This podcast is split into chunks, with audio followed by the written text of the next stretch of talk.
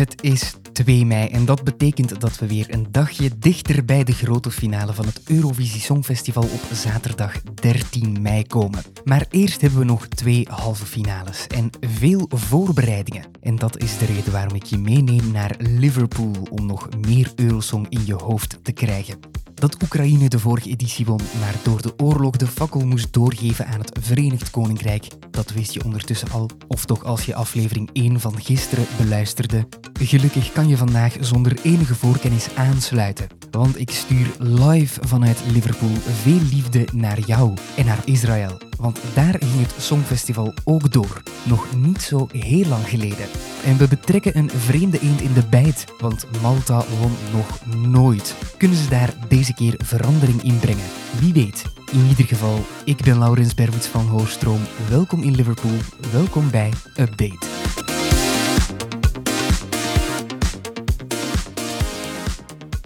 Welkom Stien, jij zit hier ook voor de tweede keer. Yes, yes. Doe je het nog graag? Heel graag zelfs. Amai, het sarcasme druipt er vanaf. Nee, ik meen het wel hoor. Ik, neem het, ik neem het recht in mijn hart. Want eh, ja, dit is een podcast debuut voor jou. Dat klopt. Kreeg je hier al reacties op, op aflevering 1 van gisteren? Ik krijg toch wel een paar sms'jes, ja? Oei, dan hoop ik eh, dat je daar niet voor moet betalen, want we zitten in het Verenigd Koninkrijk en dat is niet de Europese Unie meer, dus eh, straks moet je daar veel voor betalen, ik weet het niet.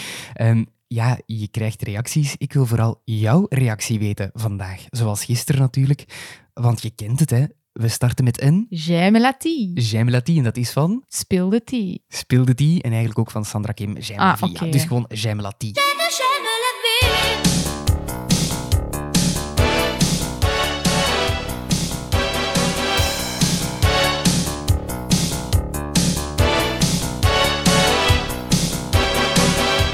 En in de Jaimlatie geven we onze ongezouten mening op een respectvolle manier natuurlijk. We zoomen altijd even in op een song en schatten de kansen in van dat land. Steam.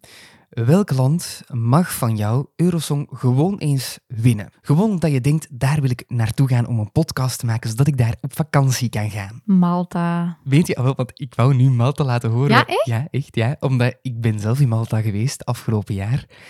En nu denk ik heel de tijd, in mei is het daar ook al super warm Ja. omdat ik eens in mijn eh, shortjes wil kunnen rondlopen. Hè. En daarom zullen we Malta gewoon nu even opzetten, zodat ik toch even een shortjesgevoel kan hebben. Malta stuurt dit jaar The Busker met Dance My Own Party. But hey, wait, what you say? Do you wanna dance?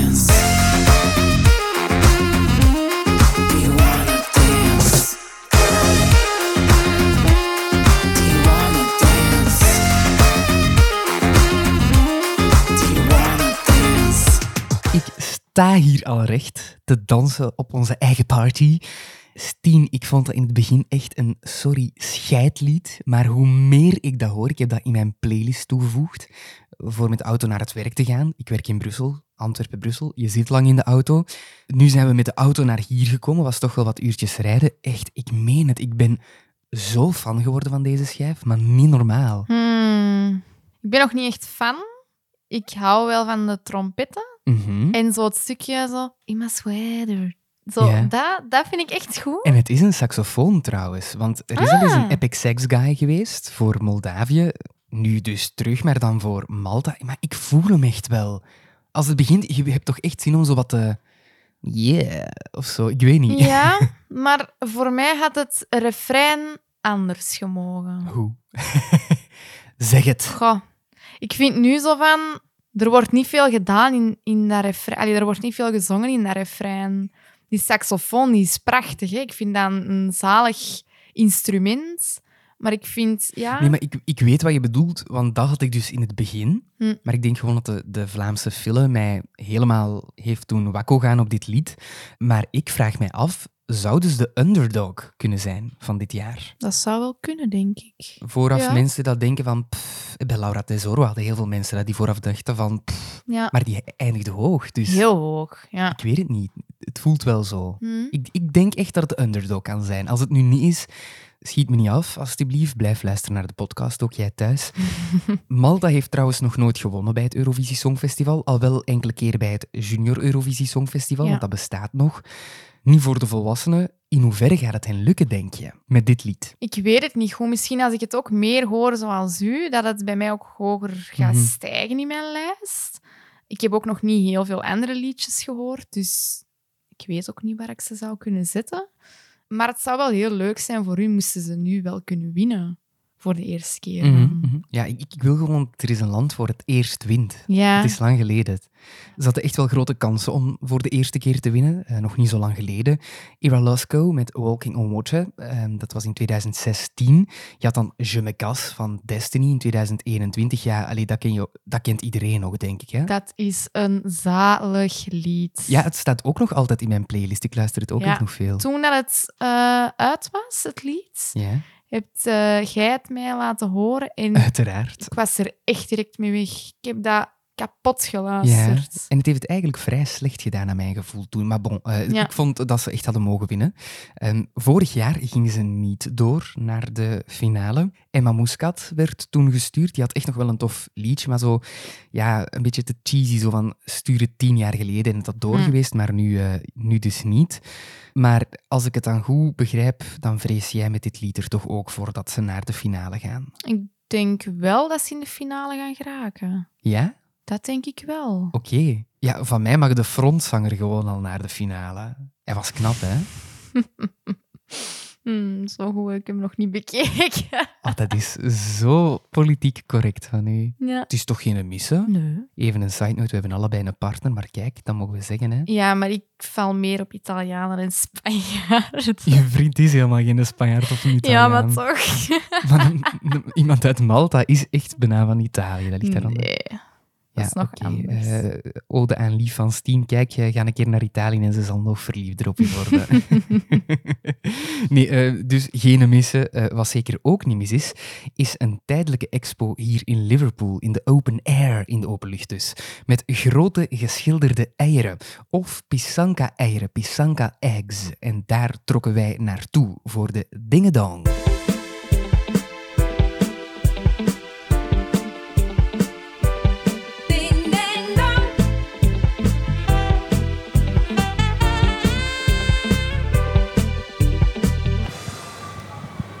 I just want to know, I'm looking over there and I'm looking to some objects. I don't think they are often here. Can you describe what you see? Uh, yeah, they're just like colourful eggs by the looks of it. Yeah, kind of like an Easter egg. It looks like kind of egg. Um, I think they're eggs to do with the Eurovision Song Contest. Uh, I guess it's some kind of uh, advertising uh, stuff for the Eurovision uh, Song Contest. uh, in celebration of Eurovision. They're eggs to represent the Ukraine for the Eurovision. I think they're all linked to the fact that the, obviously Ukraine can't host the Eurovision and It seems it seems that the kids are working together between Ukraine and Liverpool. Stien, we zijn Liverpool binnengewandeld. Ja. En we zijn in een groot shoppingcenter, Liverpool One. Maar er staat hier rechts van ons, we gaan even stoppen, staat er hier nog iets zo in, in de, de hal van het shoppingcenter. De eieren, hè. Het zijn allemaal verschillende eieren, wat heel leuk is. En het is altijd door een school, denk ik, gedaan. En hoeveel eieren zie je? Zeven? Ja. En weet je waarom zeven? Nee, dat weet ik niet. Zes van de zeven eieren zijn voor de regio's in Oekraïne. En één ei, Oekraïne zelf. Dus vertegenwoordigt een regio of het land. Oké, leuk. En inderdaad, zoals je zegt, dat is dus door eh, schoolkinderen gemaakt, samen met de, ehm, de Oekraïnse eh, gemeenschap hier in Liverpool. Ehm, om eigenlijk aan een aanloop te nemen naar Eurosong. Maar, en normaal gezien ga je hier het kunnen lezen, hier staat het hè, bij het Eurolearn. Eurolearn. Ze hebben dus eigenlijk een, ehm, een programma ontwikkeld, Eurolearn, waar eigenlijk scholen in mee kunnen stappen om, om educatie te koppelen aan het Eurovisie Songfestival. Maar dat is heel goed eigenlijk, dat ze dat doen. Ja, ja. Ja. En ik ben vooral eens benieuwd of dat de lokale inwoners hier daarvan op de hoogte zijn. Yeah, I didn't know that. That's really cool. Yeah, it's good. It's nice to see kids getting involved with stuff like that. Oh yeah, I think it's a fantastic thing. Oh, it's excellent. It's really good. It's like we should all learn a bit more about Ukraine. It's not really a country that most people know much about. Um, so it's really good that, the, that this type of thing is going on so school children can learn about it. It's brilliant. Yeah, definitely. It uh, brings the community together. I think it's fantastic. Yeah, yeah. yeah. because then Ukraine is not something they see in the news. It's all- some, somebody who they work with and they interact with and they play with. That's lovely. It's a great idea. No, it sounds nice, like they're uh, taking care of the Ukrainian community and stuff. Yeah. It's nice because it's a community thing as well because all the schools have done uh, designs of the eggs. So. I think it's brilliant. It's absolutely it's great that we can that Liverpool can host it on behalf of Ukraine. We were, we were actually just talking about it on the car on the way over um, about how the Eurovision Song Contest is being hosted on behalf of Ukraine in Liverpool. It's brilliant. It's absolutely brilliant. Going to be quite special. I've not listened to this year's yet. I'd, I'm go straight in on the night. Thank you so much. Thank you. Have a wonderful day. Bye.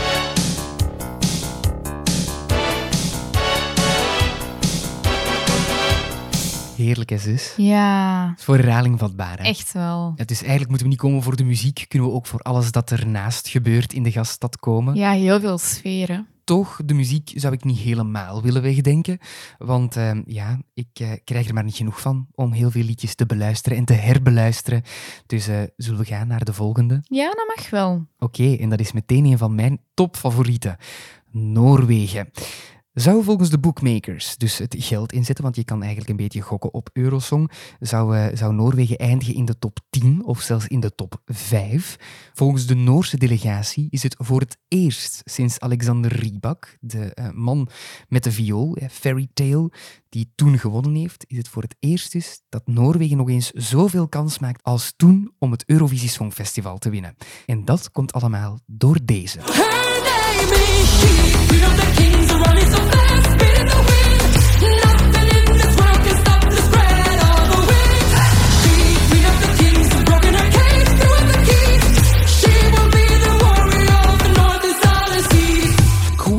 Kings van Alessandra. Dit is echt mijn nummer één. Ja? Ja, echt wel. Sorry, Gustaaf, maar... Maar het is echt een nummer. Wauw. Powervrouw ook gewoon. Maar het blijft ook gewoon hangen. Ja. Gisteren, Hunter Falls was te gast als diva in onze aflevering en hij begon dat zelfs te zingen. Hij had het één keer gehoord, Mhm. dus het blijft hangen. Ja, het blijft heel hard hangen. Ja. En ik denk ook dat dit nummer, spreek me tegen als je het niet eens bent, we hadden vorig jaar Snap van Armenië. Dat was helemaal niet populair toen, maar achteraf is dat zo hard Mhm. geboomd in heel Europa.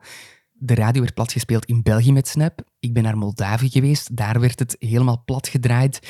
Ik ben ook eh, naar Noorwegen geweest. Het, het was overal. Maar nu denk ik dat dit nummer dat echt gaat voor hebben. Mocht het niet winnen, dat het gewoon een, een schijf wordt. ja, ik denk dat eigenlijk ook. Want ik wou ook eh, Snap aanhalen, omdat dat nu ook heel populair is. En ik vind het ook een heel mooi Ja. lied. En dit is ook een lied van Noorwegen dat ik ook gegarandeerd ga blijven luisteren, zelfs Mhm. na Eurosong. Ja, ja, ik weet dat ik het... Want in Noorwegen hebben ze ook een, een voorronde. Hm. En dat ik dat liedje, dat dat een van de eerste was dat ik hoorde. En ik had echt iets van... My god, dit is zo Hm. elke avond naar de club gaan. Zo goede muziek in de club en blijven gaan. Zo dit. En ook eigenlijk, ja, ik loop ook heel veel en graag. Ja, Echt zo een lied Ja. voor als je een moeilijk moment hebt, gewoon de 10 gaan. miles. Ja, die hebben eigenlijk alle, wel. Die hebben allebei meegedaan. Misschien hebben we nog beter gelopen als we... Ik denk het eigenlijk ook, ja. En eigenlijk is het ook wel een slimme zet, want het weekend dat er nu aankomt, net voor Eurosong, wordt King Charles, is dat dan zo zijn officiële feest dat hij krijgt van ik word koning, Queen of Kings, oeh, Alessandra. Ja, ze, ze wist het, ze wist het. echt wel. Ehm, live vind ik het minder goed. Oh nee. Haar stem, ja, ze schreeuwt. Oh nee. Maar het is, de audio van het lied is gewoon machtig en heel goed. Maar als je het dan ineens zo van de Spotify-versie naar live... Ja, ik vind het dan zo... Alessandra. ja, zo van, doe een beetje beter. Allee. Zo, dat heb ik. Die heeft ook gewoon een grote rol te vervullen. Door vooraf zo topfavoriet te zijn. Ja, maar misschien dat ze ons nog wel kan verrassen. Omdat misschien net... Soms heb je dat als je heel veel druk hebt en je moet presteren, dat dat net wel keigoed gaat. Dus Ja, en fun fact. Zij is dit jaar het allereerste nummer op het Eurovisie Songfestival. Ze is het allereerste nummer van de eerste halve finale. Dus zij opent alles. Amai. Maar ik vind dat wel geen nummer om mee te openen. Nee, Dat is ah, zo'n vind- lied. Ja, maar dan vergeet iedereen dat nee, al. ik vind dit zo van Eurosong start. Dit is Eurosong show. Je ziet ook, je voelt het vuurwerk. Er moet gewoon een pyro komen. Er moet gewoon vuur uit de grond komen op een bepaald moment. Ja, maar ik vind dat dat meer een liedje is dat zo in het midden moet. Ja? Omdat iedereen dan terug zo... Ja, kom maar. Vorig jaar was het Albanië die eh, de eerste halve finale mocht openen. Was ook met heel veel vuurwerk en zo. Ze ging niet door. Hm. Ze zong ook live niet zo goed, sorry. Het was een van mijn favoriete nummers, maar live was het ook niet goed. Zou het hetzelfde kunnen vergaan met eh, Alessandra? Ik hoop van niet, want ik vind dat ze echt mag doorgaan met haar lied. Als ze naar de finale gaat, wat denk je, waar eindigt ze? Ik hoop echt top 10. Gewoon echt. En mag ze dan winnen van u? Ik denk eigenlijk wel niet dat ze gaat winnen. Omdat we gewoon weten dat er een grote artiest die we in een van de volgende afleveringen gaan bespreken, Hm. terugkomt. En ook Ja. al wordt platgedraaid. Ook een van mijn favorieten. Scandinavië, dat kunnen we al wel meegeven. Ja. Nu we het trouwens ook over die plekken hebben, de eerste die het hele Eurovisie Songfestival mag openen, eh, Gustav, heeft in de tweede halve finale plek 5. Oké. Je bent geen fan van plek 5? Hmm, beter dan plek 1. Ja? Ja. Oké, want ik hoop dat dat ene plekje verschil tegenover 2018, want toen traden we op als vierde, dat dat het minuscule verschil gaat maken, want toen waren we er net niet door. Ik ga nog twee tips geven. Portugal, België voor België in Portugal. Wel, weet je Stien, ik ga Ja. gewoon de diva van de dag laten starten. Dan weet je het meteen.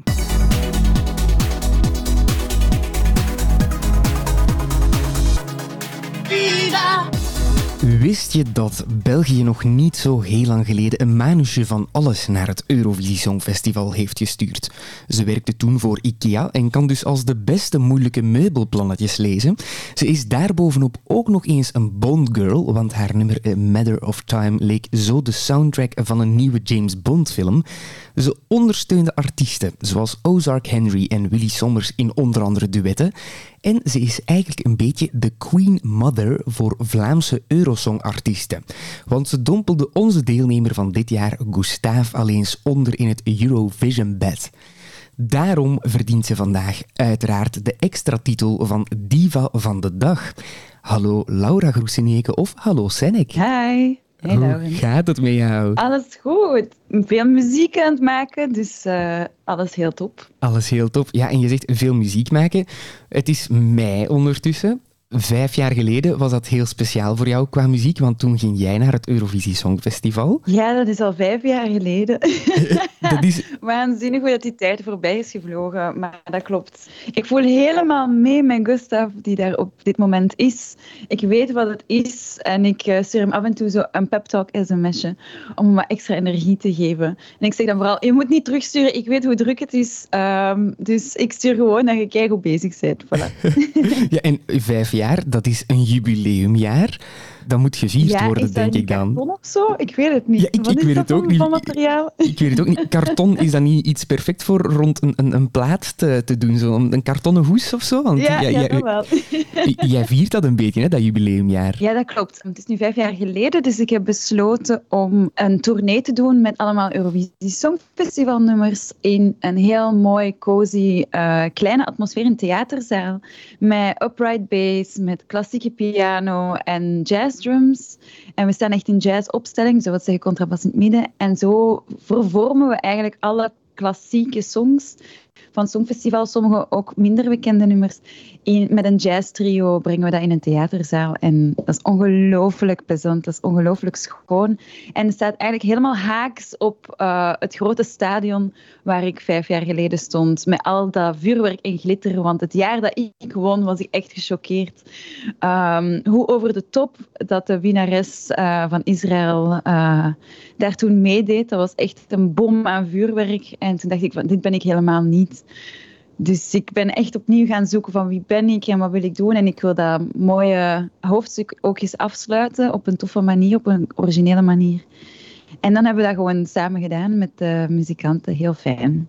Dus eh, moest je willen komen naar eh, een concert, Laurens, ik raad het u zeker aan. In, in augustus spelen we nog ergens in Londerzeel. En vanaf september doen we een hele theatertour nog ehm, van een tiental data in de culturele centra. Oké, ik ga dat hier al eh, in mijn agenda blokkeren. Stel dat ik tickets wil En- eh, kopen, waar kan ik Ja, terecht? heel eenvoudig, gewoon op zennik.be.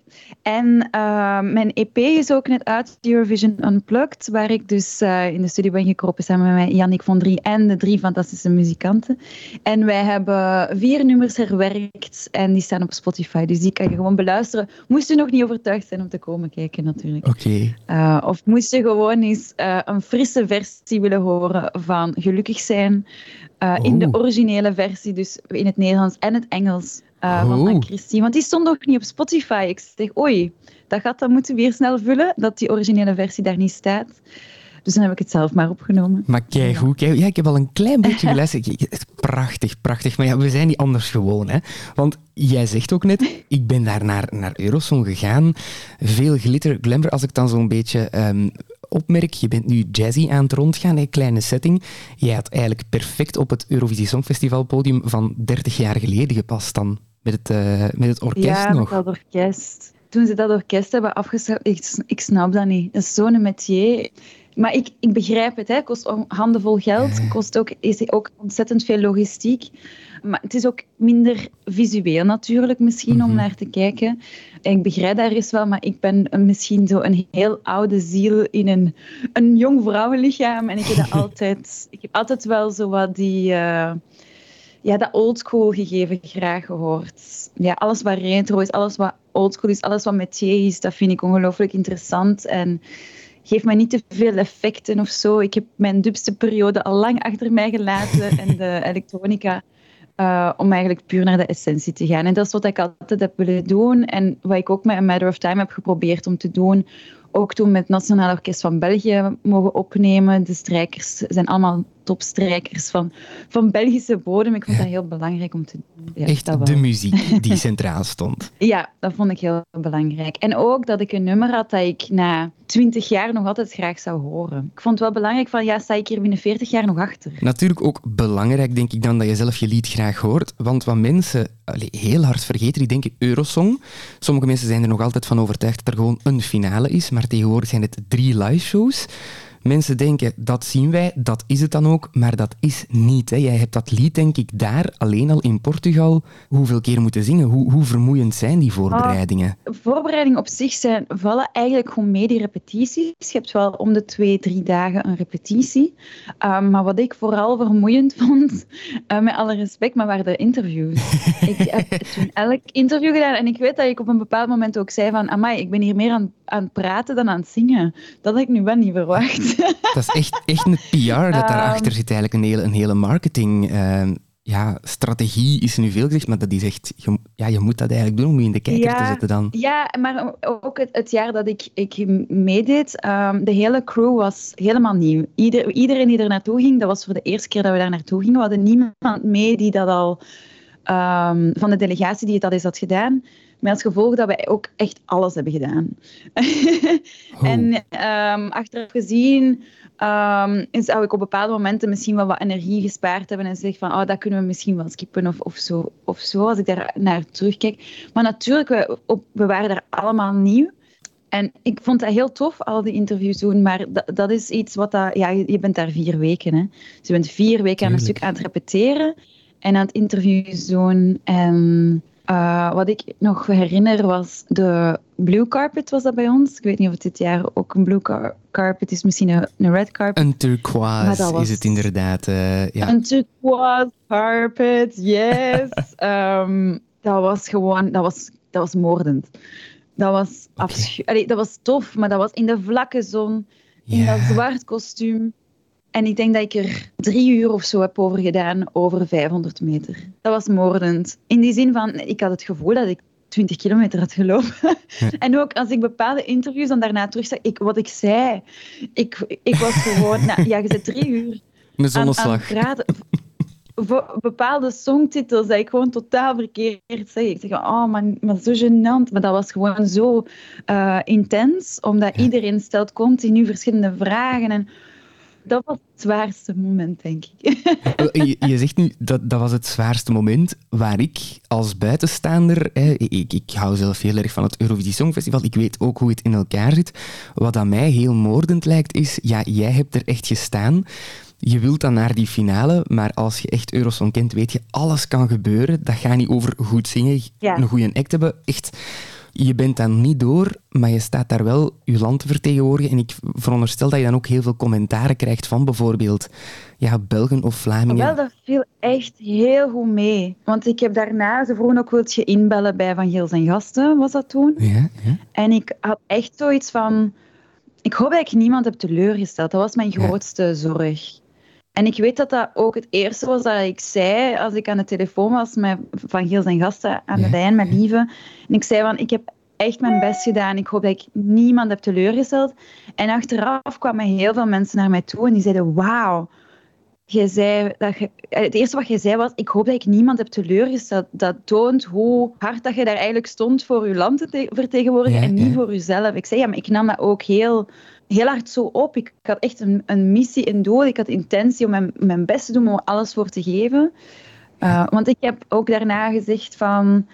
Want ze vroegen aan mij, ga je nog een tweede keer meedoen? En ik zei, nee, ik vind dat niet. Ik vind dat dat iemand anders nu verdient. Iemand, een nieuw talent dat, dat nu even die aandacht krijgt en dat, dat daarvan kan genieten en dat op een, op een fijne manier iets in de markt kan zetten. Ik heb dat nu al gedaan. Ik vind dat dat elke keer iemand nieuw moet zijn. Ik vind dat ook... En als een ander land jou zou eh, contacteren, bijvoorbeeld zo San Marino, die moeten altijd in het buitenland gaan zoeken. Wat als die bellen van, zeg, wil jij eens niet voor ons komen gaan? Zou je dat doen? Nee, ik vind dat een once in a lifetime.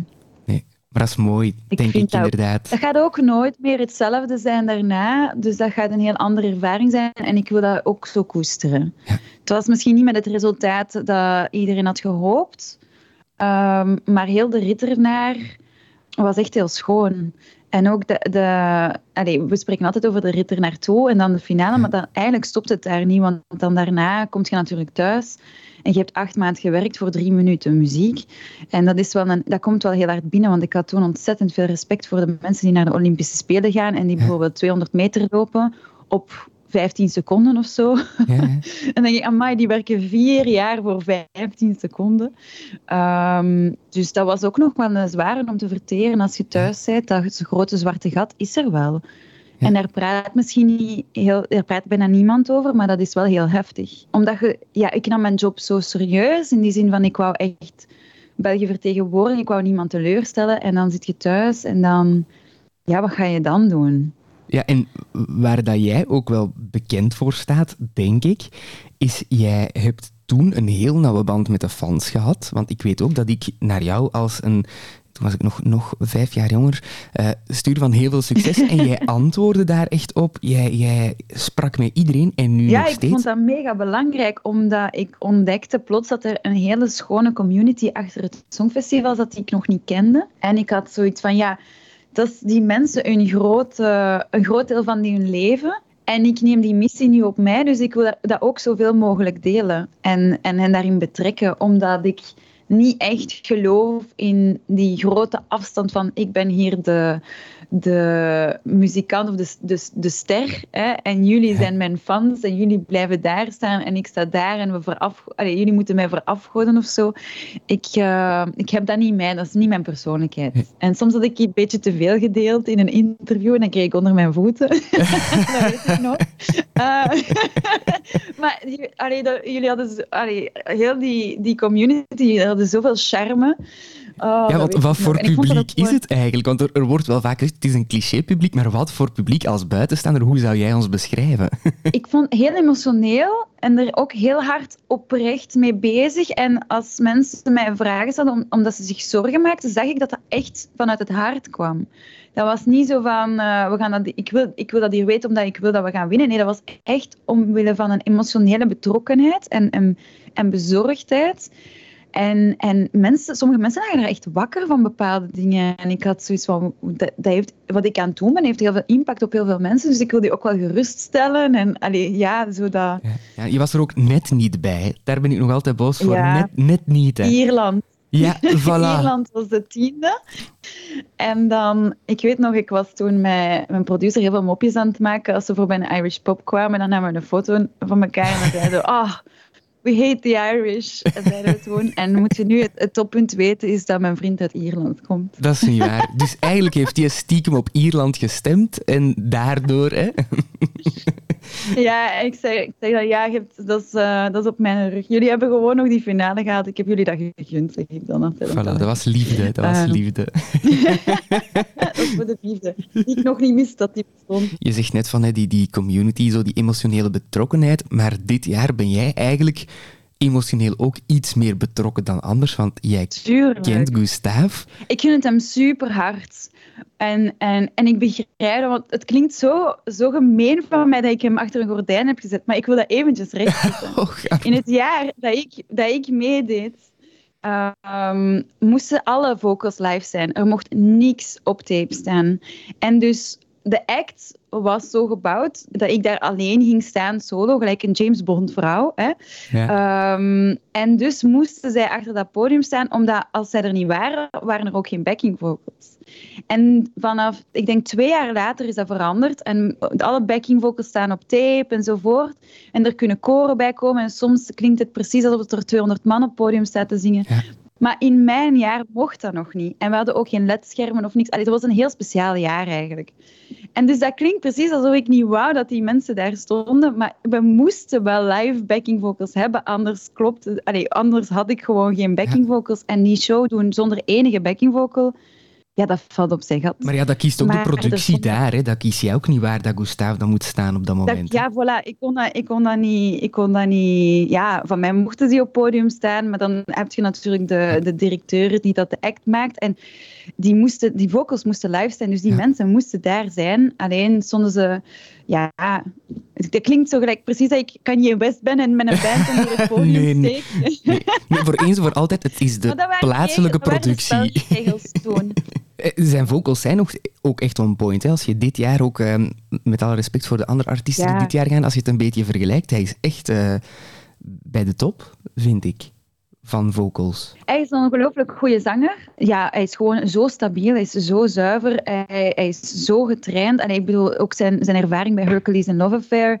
Ik bedoel, ja, dat is iemand die al jaren op de planken staat. Hij doet dat ongelooflijk goed. Dus dat is zijn superpower. En ik denk echt dat hij... Ik ben ervan overtuigd dat hij de finale haalt puur op die kracht. Dus dit jaar ga jij weg. nog eens een keer met veel vlaggetjes in de zetel zitten supporteren met vrienden dan. zal wel zijn. Ik ga een feestje organiseren thuis hier.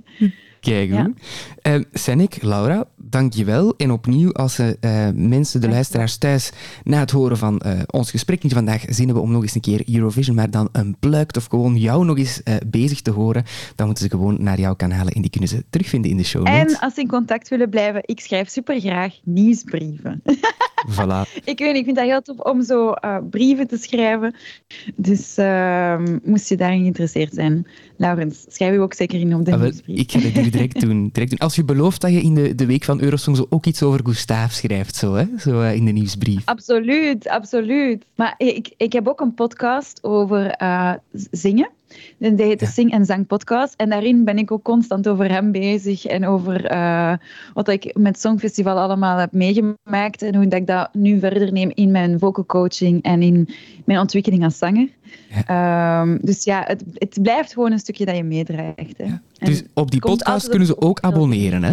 Ja, kunnen ze ook doen. Bezig bij, bezig bij. vrijblijvender. Voilà, Senek, Laura, heel erg merci. hè. Jij ook, hè, Laurens. Merci.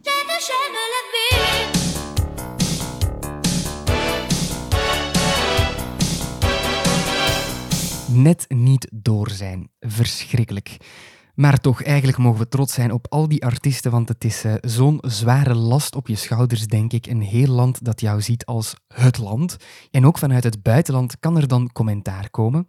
Zeker als je land in een speciale politieke situatie zit, zoals deze hier. It's gonna be phenomen, phenomen, phenomenal, phenomen, phenomenal, feminine, feminine, phenomenal. I'm gonna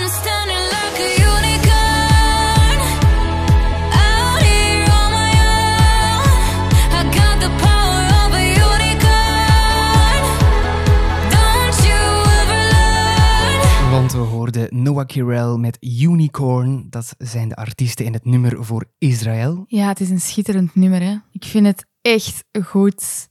Ik vind het nog beter dan Queen of the Kings. Maar oei, dat begint hier elk nummer dat jij hoort. Is zo, Ja. oei, oei. Amai, raar jaar dit jaar. Ehm, ik ben ook heel erg fan, want vooral, er komt een dance break in. Zoals bij Spanje toen. Ja, vorig jaar. Ja. Spanje, Slow-Mo, Chanel. Episch. Ja. Episch. Ja, jij bent dus fan van dance breaks op het Eurovisie Songfestival. Als ook goed gedanst wordt dan. Ja, want sorry voor wat ik nu ga zeggen, maar Spanje vorig jaar, dat was echt gewoon Toen was er nog een Eurosongfeest bij mij thuis. Bij iedereen, de mond viel op de grond. De kwijl kwam eruit. Hè? Allee, het was... Fenomenaal, hè? Oh, oeh, Steen, wat Ja. een mooie verwijzing naar Noah Ja. Kirel, want zij doet fenomen, fenomen, fenomenaal. Wauw. Die deed dat ook zo goed, Chanel. Ze werd derde, trouwens. Dus mocht eh, het Verenigd Koninkrijk eh, niet tweede zijn geworden, hadden we nu misschien in Spanje gezeten. Had ik dat- ook niet erg gevonden. Nee, dan had ik zeker mijn shortjes kunnen aandoen. Ja. Gaat het Israël ook zo vergaan met de dance break, zoals dat het Chanel is vergaan? Als ik de videoclip zie van Israël, Mhm. het is echt wel ook al een vrouw. Ik vind dat ze ook al iets uitstraalt. Ze heeft al iets over zich. Ze heeft een heel mooie outfit in de videoclip aan. Ja, en ze gaat het knallen, denk ik. Ze is nog maar 22. Just like me. Just like you. Maar ze lijkt toch echt veel ouder. Dat is wat make-up met je doet. Oh. ja. Laten we je make-up uit de badkamer gaan halen, zou ik dan zeggen. Want, eh, man, man, man. Ehm, wat ik wel jammer vind zelf, hun politieke situatie speelt mee van Israël. Want daar is Mm. heel veel rond te doen, al enkele jaren uiteraard. Mag dat meespelen op het Eurovisie Songfestival? Eigenlijk niet, maar ja, het gebeurt. Hè. Ik ga nu iets heel controversieel zeggen. Ik ben zelf heel grote fan van het Eurovisie Songfestival. En ik zeg ook altijd geen politiek, maar eigenlijk is het een en al politiek. Ja, Allee, dat is ook zo. Heel erg, om te zeggen. En ik vind het ook heel jammer, eigenlijk, want ik vind het heel dubbel. Eh, ook opnieuw controversieel wat ik nu ga zeggen. Zolang er geen echte propaganda of politiek wordt getoond op dat moment, tijdens de act en in de voorbereidingen en zo, vind ik dat het toegelaten moet worden. Maar het is moeilijk, uiteraard. Want bijvoorbeeld voor deze podcast heb ik heel wat artiesten gecontacteerd of zij in deze podcast wilden komen. En ik heb daar ook enkele voormalige Russische artiesten voor gecontacteerd, waar ik toen heel erg fan van was. Maar ik kreeg eh, van verschillende hoeken echt het advies om dat gewoon niet te doen, om ze niet te vragen, de Russische artiesten hierin. En dan vind ik dat wel erg, omdat uiteraard Ja. iedereen heeft momenteel een heel ja, raar gevoel tegenover Rusland, maar die artiesten zijn niet Vladimir Poetin. Nee, dat wou ik ook net zeggen. Voilà. Het is niet omdat ze van Rusland komen dat ze per se de oorlog steunen.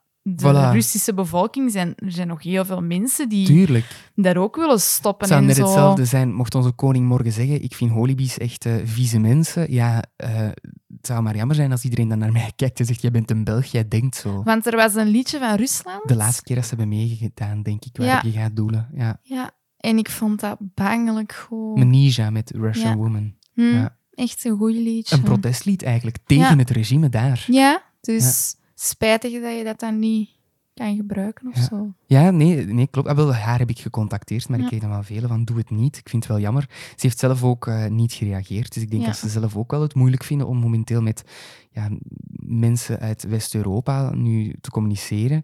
Heel spijtig. Ja, ik vind het echt spijtig. En vooral ook omdat eh, vroeger, het is al enkele keer gebeurd, eh, werden zowel de Russische als de Israëlische artiesten al uitgejouwd na hun act, tijdens hun act, tijdens de puntentelling, echt in de arena zelf omdat zij op dat moment het gezicht van het land zijn, uiteraard, hè, opnieuw begrijpelijk. Ze zijn dan ook, hè, zogezegd, het gezicht van het regime op dat moment. Maar vind jij dat oké dat je daar gewoon artiesten zit uit te jouwen? Nee, want wat ik dan denk is, het Eurovisie Songfestival draait ook om samenhorigheid en Daarvoor is het in het leven geroepen. elkaar te respecteren, maar dat is alles behalve respect tonen naar elkaar toe. Dus dat is een Mhm. beetje hypocriet, vind ik dan. Ja, en het is ook wat je zegt nu. Het is ooit in het leven geroepen hè, voor eh, verbinding. Ja. Dat is in 1956 voor het eerst gebeurd. Ja, sindsdien zijn er al heel veel conflicten in Europa geweest. Hè. We, we hebben echt de Koude Oorlog nog gehad. Dus eigenlijk zoals het nu een beetje... Oh, is dat raar om te zeggen? Ja, het controversieel ook. Hè. Ja, er was een gordijn echt toen. Hè. Ja. Ehm, maar toen gebeurde het ook. Ik hoop gewoon dat we die kernwaarden van toen, dat we die nu kunnen doortrekken. Van oké, kijk, desondanks Ja. economische of politieke situaties, we gaan hier als land gewoon samen eens een keer aan een zeel trekken. We kunnen het niet op economisch of politiek vlak, maar we kunnen het wel op muzikaal vlak. ja, dat zou heel mooi zijn. Wat vind jij van boycotts? Want er zijn bijvoorbeeld toen Israël won, een tijdje geleden met Netta, dan ging het in Israël door en dan zijn er heel veel landen geweest die hebben gedreigd met we komen niet naar daar. Madonna is toen wel naar daar afgezakt. Die heeft daar dan ook de vlag van Palestina laten zien. Het was heel controversieel dan in Israël zelf. Wat vind jij van zo'n boycotts? Mogen we dat zeggen? Dat land wint, ik doe niet mee volgend jaar? Dat zou eigenlijk echt niet mogen. Hè? Nee. Opnieuw, desondanks dat we het regime erachter walgelijk is. Hè? Ja. Dat, dat vind ik allemaal. Hè. Ja. Maar ik vind op dat moment dat we dat inderdaad achter ons moeten kunnen laten. Dat is gewoon een prachtige gedachte om dat op dat moment te kunnen doen. Dat is zo. En om daar deel van te kunnen uitmaken. Hè. Ja. En om echt deel te kunnen uitmaken van dit hele gebeuren, moeten we ook de officiële gebeurtenissen van de dag overlopen.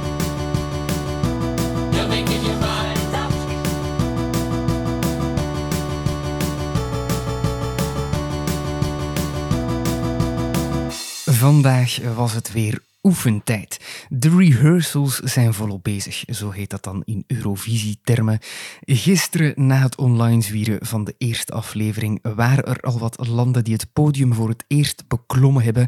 Ik som het even op wie tot nu toe, het online gaan van de podcast, het podium al heeft uitgetest.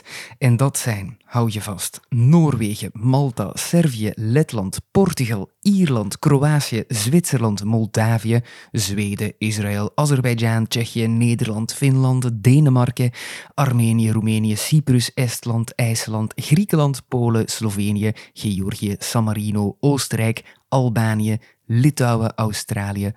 Alle acts van de halve finales. Maar niet onbelangrijk, misschien is het je opgevallen, ik heb één land niet vernoemd. Stien, welk land? België. Inderdaad, want gisteren, heel laat, allee, tegen de avond, heeft Gustav voor het eerst getest en hebben we iets van zijn act kunnen zien. Oh my god, dat is keizalig. Je hebt het gezien, hè? Wat waren zo wat de dingetjes die we hebben kunnen zien? Zijn outfit en dan de dansers ook. Ja, de achtergrondzangeres, maar Ja. er, want we hadden het gisteren al, de outfit ja, komt van Walter van Beirendonck, is trouwens nog niet de finale outfit, want Nee. zijn jasje wordt nog gemaakt. Ja. Maar inderdaad, er is een danser, of er is iemand die gaat vogen. Vogen? Dat is wat... vogen, ja, zegt je dat niet? De Vogue doen? Vogen? Vogue? Nee? Nee. In ieder geval, het is iets dat drag queens doen. Dus het is een beetje wat wij wilden. Hè. En ik zag ook dat de persoon hakken aan heeft en Ja, er iets ja, fluffy ging aan de poep en zo. Dus het komt goed, het komt goed. Ja. Ik denk in ieder geval dat we het nog nooit gaan gezien Nee, dat denk ik ook niet. Ik ben echt, echt heel blij dat er toch een danser mee op de dansvloer staat. Ja, wel, ik ben, ik ben ook heel, eh, heel erg blij. Ehm, het zal iets zijn dat we nog nooit hebben gezien voor België. Ik denk ook gewoon iets dat we nog nooit hebben gezien in het algemeen. Mhm. Ehm, nog even kort, welke acts vielen er nog op? We hebben Israël met een dancebreak gezien. Of een kleine snippet van een dancebreak. Dat zag er ook al heel puut uit. Oh, dat was- Ja, dat was echt Ja, dat is prachtig. Top. Finland met Cha Cha Cha. Die zat in een Ja. kooi en, en ja, zag er ook weer al geweldig uit. Malta met allemaal felle kleurtjes. Ik zeg het jullie, de underdog van het jaar. Ja, Ik, ik, ik zie het goed komen. echt wel. En natuurlijk zien we daar dan zo'n grote bak staan met een platform dat er boven zweeft met daartussen zo'n geplette Loreen. Oh, Ze gaat dat winnen hier, sorry. dat is wereldklasse. Ja, Ja. Ze, ze gaat het winnen. Het perscentrum is trouwens nog niet geopend. Zijnde, wij kunnen nog geen live kijkje gaan nemen, omdat de eerste repetities eh, in een intieme sfeer worden gehouden voor het welzijn van de artiesten. Maar wil je nog sneller dan het uitkomen van deze podcast op de hoogte zijn, dan zou ik zeggen, surf even naar songfestival.be. Daar zijn ze al heel lang bezig met kwalitatieve en zeer snelle communicatie rond het Songfestival. Onder andere Jasper van Biezen en Jonathan Hendricks staan daarin voor het vlot verloop. Lieve gasten, krakken in hun vak en in het Eurovisie Songfestival natuurlijk. Ik zal trouwens eh, een link in de show notes steken, ook naar het boek dat ze ooit samen over het Eurovisie Songfestival hebben geschreven. Mocht je nu zeggen, oké, ik wil wel lezen, eh, maar ik kijk toch liever naar bewegende beelden, dat kan ook. Dan kan je je abonneren op het TikTok-kanaal van Eurovision. Dat is gewoon Eurovision, E-U-R-O-V-I-S-I-O-N. En daar kan je elke dag snippets van de acts zien, dus ook van Gustav. En ondertussen blijf ik je hier van updates voorzien. En of we nu in de cottage zitten of in het perscentrum, want daar zitten we volgende week dan. We zijn super hard aan het werk, echt waar. En dat terwijl we nog maar 2 mei zijn. En de tweede aflevering van Update trouwens, live vanuit Liverpool. Morgen zijn we er opnieuw niet met de bekende lokale Beatles, maar wel met een diva die dit jaar echt wel hoog kan scoren. En ook met mijn favoriete nummer van dit jaar. Spannende. Heel graag tot morgen.